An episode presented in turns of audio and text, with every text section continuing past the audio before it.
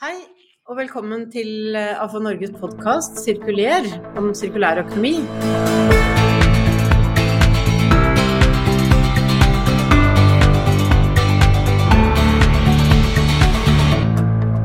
Mitt navn er Nancy Strand, og i dag er vi faktisk inne fra Jaipur i India. Vi har en uke her som bare handler om uh, avfallshåndtering alle, av alle mulige slag. Um, eh, som noen av dere som lytter på denne vet, så sitter jeg i styret i den internasjonale avfallsorganisasjonen ISFA. Og vi har styremøte her denne uken med en rekke arrangementer. Men det som er ekstra hyggelig, er at uh, jeg har fått med meg Beate Langseth, som er um, miljøansvarlig Miljøråd heter det. Mm. Miljøråd ved ambassaden i New Delhi. So, or um, in addition to that, we'll have a, also a little. We have a, um, uh, another guest, which is uh, Aditi Ramola. Um, you are staying in India, working for ISVA. Yes. so welcome to you both. Thank you. Tusen takk. Uh, vi må starte med deg, Beate. Uh, du uh, arbeider som miljøråd ved den norske ambassaden. Um, og du kom hit Kom hit i januar i fjor. Ja, ja. Så vært her litt over et år? Absolutt. Ja, eh, ok, Og da forsto jeg at det var en ny stilling? Ja, det er en ny stilling. Eh, KLD støtter jo noen, noen stillinger som miljøråder og, og, skogråder. Så de har fem miljøråder som de støtter. Eh, Li til. Um, så jeg jobber jo for UD nå, ja. Mens egentlig så jobber jeg i Miljødirektoratet. Ja, ikke sant. Så, ja. uh, så, hvordan har det vært å, å, komme til India og da i en nyopprettet stilling begynne å jobbe med miljø? Det er et stort land, det er mange problemstillinger. Hvordan har det vært? Det har vært veldig spennende, veldig gøy, utfordrende. Uh, men det er jo ikke sånn at uh, ambassaden ikke har jobba med miljø og klima før. Vi har masse prosjekter som har gått over tid. Vi har en strategi, en norsk-indisk strategi som handler om hvordan man skal jobbe med India og Norge sammen. Som også omhandler klima og miljø. Så det, det har vært viktig for ambassaden i mange år å jobbe med det. Så jeg kommer jo sånn sett til dekka bord. Vi har gode prosjekter. Så det er egentlig bare å fortsette det gode arbeidet og kanskje videreutvikle det. Ja, du, eh, det er jo veldig spennende. Jeg må si jeg er i India for første gang i mitt liv. Så da er det jo bare å ta inn alle inntrykkene. Og, og det er klart, jeg vil si nesten alt er jo, er jo annerledes enn i Norge, men, men, men, men, likevel. Hva har det liksom vært det mest slående for deg? Um, kanskje det mest slående det er jo det at India er ikke India. India er så mye forskjellig. Mm. Eh, mange har, Norge har kanskje et inntrykk av India som et, ja, kanskje et fattig land, et korrupt land, et land med naturkatastrofer, veldig dårlig luft. Det er på en måte det bildet man har av India når man sitter i Norge, men det er så mye mer det har, det har, mye av alt. Altså, de har de rikeste folka, de har de fattigste folka, de har de reneste stedene, de mest skitne stedene. Eh, og man tenker kanskje at ah, ja, alle snakker samme språk. Altså, de snakker engelsk, stort sett i hvert fall de som har tatt utdannelse, snakker jo engelsk. Men India er jo hovedspråket. Men mange snakker ikke hindi, eller de forstår ikke hindi, de snakker andre språk. Så det er mange store språk som, som også snakkes. Så det er og maten er forskjellig, kulturen er forskjellig, religionen er mer eller mindre den samme.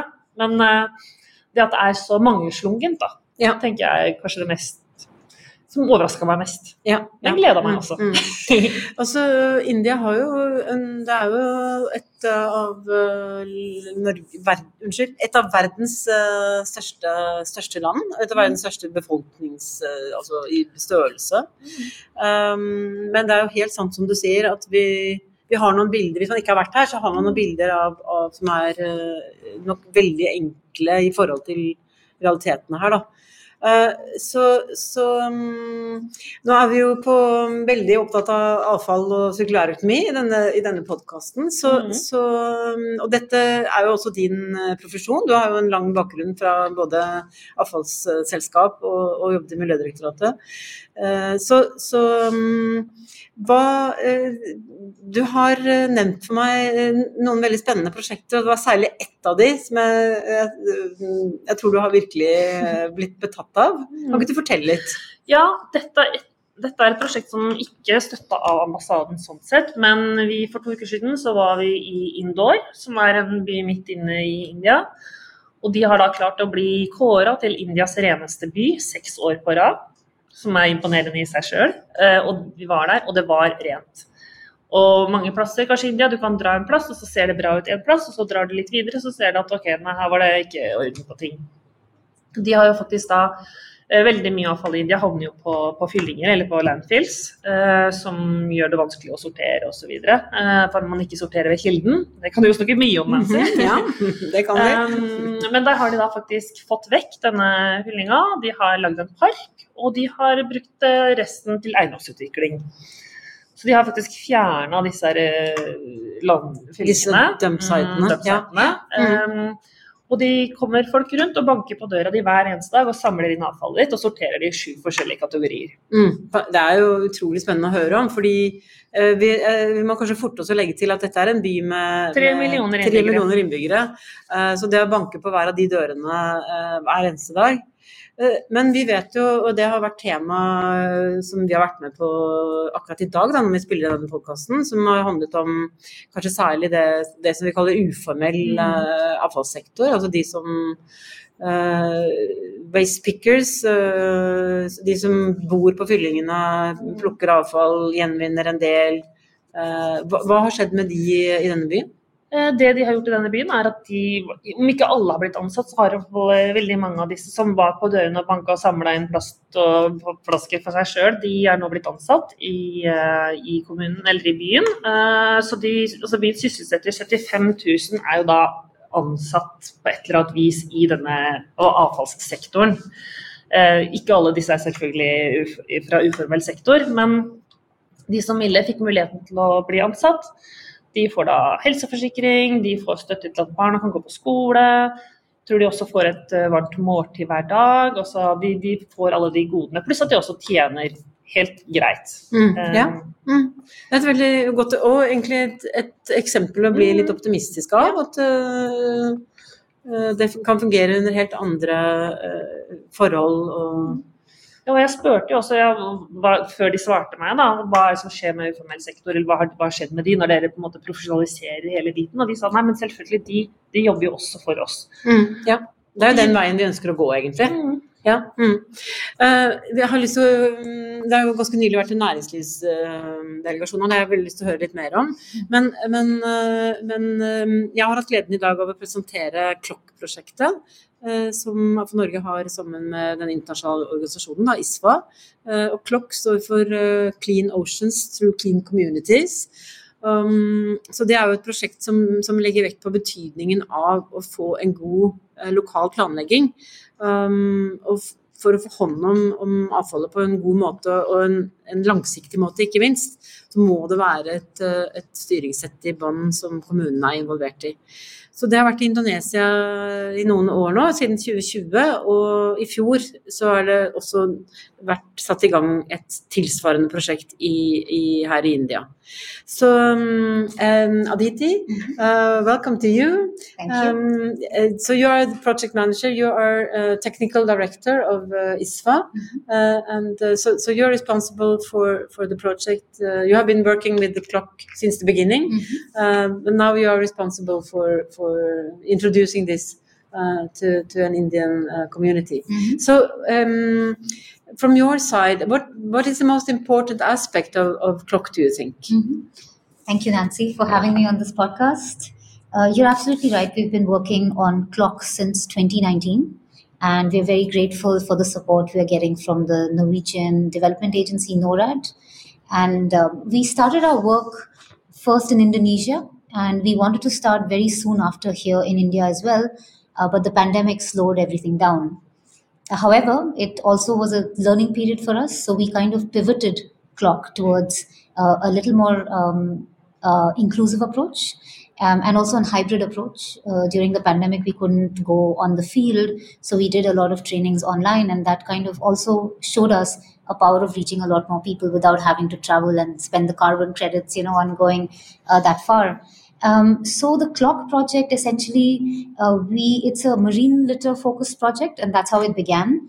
Uh, but we very quickly realized that uh, if we wanted to do anything with marine litter and plast- you know plastics in the oceans, we had to start with on the ground solutions. So whatever we do on land was affecting what was happening in the oceans, uh, and so we very quickly uh, concluded, you know, that we needed to work with communities, cities, municipalities along the coastlines um, and uh, we you know deliberated what should be the clock methodology. What are we doing different from another development project? Because you know a lot of these projects exist but we see in a year or two the sustainability factor going down. We want to see impact long term. Mm. um, and so we very much focused on uh, underpinning our thinking on iswm which is the integrated sustainable waste management approach framework uh, and then looking at a very inclusive participatory process. So we call it the seven step participatory process, uh, where we are working with um, all uh, so stakeholders all along the value chain of waste management. So people who are generating waste, who are handling waste, who are working with the policy regulation, uh, as well as the mayors and so on and so forth. Uh, and just to go back a little, I want to tell you what the aim of it is. Uh, Mhm, we yeah, want to, of yeah. course, reduce the plastics in the ocean, uh, but we have a few work packages since we have to, you know, tell our uh, funders the deliverables and so on. So we have three work packages we focus on. There's, of course, the capacity building angle and the training. Then the second one is to build or develop waste management plans, so very sustainable and context specific waste management plans. Uh, and then phase three, we are hoping will lead to a change where we are actually going to help entrepreneurs set up small businesses, empower them. Because I think this morning, so we are here right now in Jaipur for this global conclave on circular economy. And Nancy presented the clock project as well. And I think you said some really key things. You know, you can't make an impact without empowering them to take that business further. You know, Mm, you can't no, just mm, recycling mm, won't mm. work without the economics. Yeah. So that's the phase three of our Yeah, uh, yeah. of But of just uh, uh, sorry to interrupt you a little bit, but uh, uh, what I think is really interesting is the fact that uh, we are talking about business models, Yes. uh, circular business models. We are talking about that in Norway, and we are talking about it here in India. Right. Maybe the models are a little bit different, but there's still the concept of changing the how you look at uh, upon waste Yes. from from trash to resource to value Yes. Mm, and uh, I think that's fascinating. It's uh, and there was a concept uh, uh, that was also mentioned several times during other presentations today. That was the micro uh, Entrepreneur, entrepreneur. Yeah, yeah. micro entrepreneur. What, what does that mean? Um, that's a very good point, uh, Nancy. So this is a debate that we've been having. Uh, you know, people call the informal sector the informal sector, right? This is a parallel sector to the service sector that the municipality comes up with, right? The collection or the transportation or the disposal and the, you know, the processing. Um, but what we are saying here is that the informal sector that we're calling, they they are micro entrepreneurs. They actually own businesses, right? They're earning money they, from the value of the waste. Uh, so, uh, it- you know, when we say let's integrate them into the system, which is a very good thought, you know, get them uh, actual register their businesses if they're not formally registered and so on. But if you start looking them as looking at them as like business players, Mhm. then Yeah. you can you can get a much better um, uh, participation from their side. You know, they feel like they can be on the same table. You can have the same kind of conversation, and then of course you add your layers of understanding. You might say, hey, you need to deal with uh, having proper equipment, proper safety measures, and so on and so forth. But that's Yes. kind of a, a thinking that we're kind of uh, changing. And I loved what you said this morning as well about the micro entrepreneur. uh, yeah, you but know, I think uh, I think uh, I think we must admit that when we think about this from from looking upon it from a Norwegian perspective, uh, we see pictures of dump sites with people uh, and. Uh, taking picture. We, we, we, we visited uh, this kind of site yesterday. We saw cows and dogs and people. It's, it's so you tend to feel sorry and oh, this is too, too bad. But the way of changing this is actually to to sort of empower them, yes. and uh, I, I think that's the best approach. Yeah. It's uh, yeah. Yeah. So are are you uh, because sometimes you can feel a little bit overwhelmed Mm. of the sort of magnitude of everything. Uh, are you optimistic that uh, that uh, now introducing this concept way of working here here in India. It's uh, Yes, I mean, I'm fundamentally an optimistic person, and I think uh, living in this uh, age, we need to be. Um, and there are many learnings. Of course, you're talking about this integra- uh, the, the informal sector and so on, but we're also learning some things from back home in Norway that you'd have this intermunicipal cooperation. We don't see that here in India. You know, the municipalities are kind of by themselves, for themselves, uh, and they won't want to cite uh, or give give citation of a, like a landfill to some some other municipality. They want to do it all within themselves. That is not the most efficient approach, as we've seen from your presentations on intermunicipal cooperation. And I, I find that is also a positive thing because this clock project is bringing learnings that we didn't have. Yeah. yeah. So this is a it's a, it's a mutual uh, learning process. It's uh, I, I like that. Uh, så uh, um, Beate, vi, vi uh, her, Det var jo en delegasjon, en næringslivsdelegasjon uh, her for ikke så lenge siden, ledet av næringsminister Vestre. Så hva, hva, og det er jo litt spennende. Eh, Dette er jo også et spennende altså Nå snakker vi jo litt ut ifra eh, et ideelt perspektiv, fra et bistandsperspektiv, men, eh, men kan også se på det fra, fra et næringsperspektiv. Så Absolutt. Sammen med Vestre så var det jo en næringslivsdelegasjon på 70 representanter fra 42 ulike bedrifter, så det er jo ganske voldsomt. Og mange kontrakter ble signert, og MOU-er. Eh, så det er jo en stor interesse. eh, I hvert fall deler av, deler av næringslivet i Norge har stor interesse for India. Det er et stort land, det er masse muligheter, også selvfølgelig utfordringer. Men eh, India klatrer opp. De er, har jo verdens femte største økonomi. Det er verdens mest folkerike land. Det har passert Kina as we speak. Um, og de satser jo veldig på fornybar energi, så det er masse muligheter. Norfund har investert ganske mye penger i fornybar energi i India. Så det er, det er mye som skjer, og det er mange muligheter. Og det er også en god del kapital faktisk, som Mm. er tilgjengelig. Ja. Eh, og India er jo ikke bare et, altså, det er ikke et utviklingsland, det er Nei. også et utviklet land. Ja. Det har del, deler av, del, Noen delstater kan man kalle det et utviklingsland, men sånn generelt så er Ja. jo India et land som er på vei opp. ja, rising, uh, Og de ser jo også på seg sjøl som ehm, det, det globale sør sin, sin talsperson. Så Ja. de snakker også på vegne av de andre landene, Ja. som kanskje er mer utviklingsland. Mm, mm. Og det er jo en eh, veldig interessant posisjon som, som uh, uh, India inntar. Um, så uh, for Norge ivrer jo egentlig også veldig for at avfallssektoren skal uh, kanskje også åpne litt og tenke disse mulighetene, selv om det er altså å se på det som, som muligheter, da.